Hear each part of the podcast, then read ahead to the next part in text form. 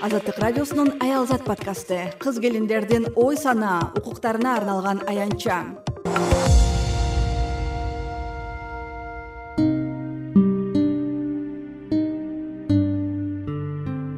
кыргызстандык назгүлдүн эки бөйрөгү тең иштебей стамбул шаарындагы мекендешинин үйүндө жардамга муктаж болгону соц тармактарда тарап ушул апта ала тоолуктар каражат чогулта баштаган. Жыйырма сегиз жаштагы келин пандемияда туркияда жумушсуз калып оорусу күчөп ооруканага түшүп калганын кыргызстанда оорулуу апасы аны күтүп жатканын азаттыкка айтты. Аптан бери ооруганым үчүн иштей алган жокмун да тетиги жакта да апамдар ооруп атат мен балдарыма карап болуп турат да ошол үчүн.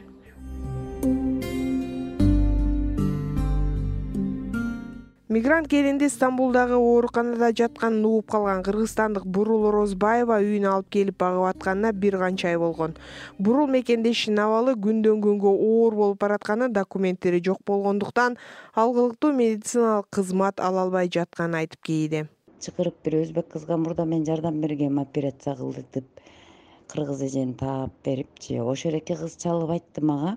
Ушундай силердин кыргыз кызыңар ооруп атыптыр караганга эч ким жок жардам эч ким бере албай атыптыр дегенден анан мен барып үйүмө алып келип ошо карап атам. Биз деле эки ай болду ошо бул стамбулга көчүп келгенибизге биз. Ошо алты миң жети миңдей чогулуп калды буюрса чогулуп анан ошону менен билетин алып салып ийели деп атабыз да. Мамасы болсо салып ийгиле андан көрө мен бияктан көрсөтөм дейт бишкектен деди кыргыз келинге жардам берген бурул орозбаева. Ал ошондой эле кыргызстандын стамбулдагы башкы консулдугуна паспорт маселелери боюнча кайрылганын кызматкерлер жардам берээрин кошумчалады. Больницага көрсөтө албайбыз аябай. Эмне кылышты билбей калдым мен делечи булар деген жөн эле шишиги менен эле ооруну баса турган эле дары жазып берип коюптур да. Самый деле жүрөгүн көрсөтүш керек экен нервтерин көрсөтүш керек экен бөйрөгүн көрсөтүш керек экен. Жыйырма төртүнчү июлда башкы консулдук фейсбук баракчасынан нааргүлгө керектүү расмий колдоо көрсөтөөрүн кабарлады. Деген менен ыктыярчылар кыргызстандык келиндин саламаттыгын начарлап баратканын ал элден акчалай колдоо күтүп жатканын эскертишүүдө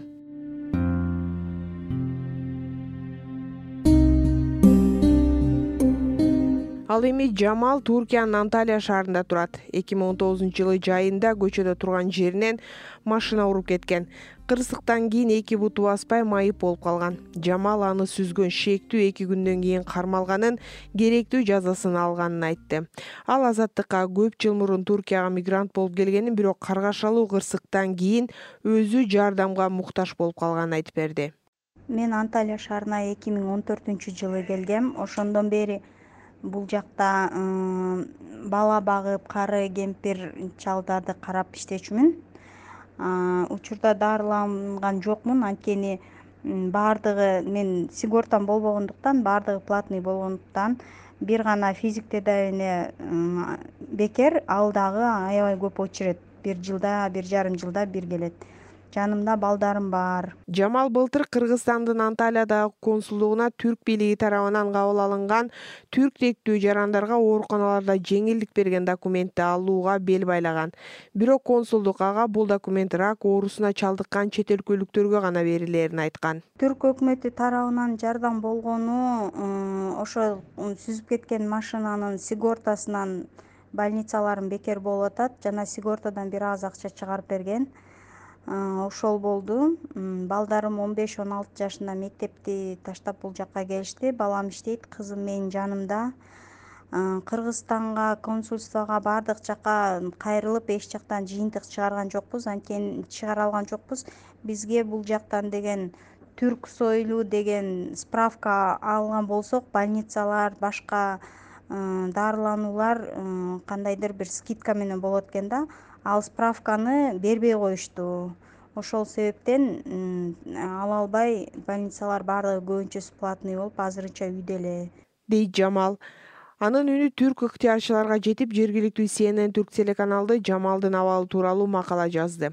Анда кыргызстандык келин эки бутуна туруп кетүүнү кыялданганын уулу менен кызын жашы жете элек болсо да иштеп акча табууга аргасыз болуп жатканын айтат садычы чөжүклөрүм янында болсом тек башмак алдыымда лабы кете берсем онлора эмек ал эми туркиянын анталия шаарында түптөлгөн айымдар коомунун жетекчиси периза асаналиева коом ачуу эрежелеринде буга чейин эсеп ачып каражат чогултууга тыюу салынып келгенин бирок жаңы эрежелерге ылайык бул чектөөлөр алынганын айтты негизи өзү элвира баягы бирөө туруп туруп эле тил жакта ооруп атат бул жакта ооруп атат деп эле акча топтой бергенге өзү болбойт да. Анан атайын э, расмий коомдор ошолор кеңешип ушундай мекендешибиз жардамга ыктыяч болуп атат деп атайын багыш деп коет эмеспи баягы багыш топтогонго мүмкүн да. Анан жөн эле ар ким каалагандай счет ачып эле топтой бергенге болбойт да. А мурда даже канчанчы бир эме бар эле штрафы бар болчу эгер антип топтогондорго штраф че то азыркы жаңысын карасам андай көрө албадым да дейт периза асаналиева. Туркиядагы чет өлкөлүк мигранттарды түйшөлткөн дагы бир жагдай он биринчи июнда туркиянын ички иштер министри сулейман сойлу чет элдиктердин саны жергиликтүү тургундардан көп болгон жерлерде мигранттарды туруктуу жашоого каттоо токтотулганын билдирген эле. Министр сойлу быйыл онунчу февралдан тарта туркияда туристтик виза менен жашаган чет өлкөлүктөрдүн уруксааты узартылбай турганын да кабарлады.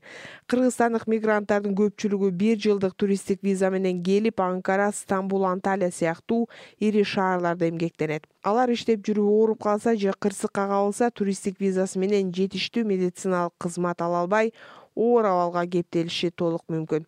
Белгилей кетсек эки миң он төртүнчү жылы кыргыз жана түрк өкмөттөрүнүн ортосунда түзүлгөн макулдашууга ылайык жыл сайын кыргызстандан жүз бейтап туркияга келип акысыз дарыланып жүргөн.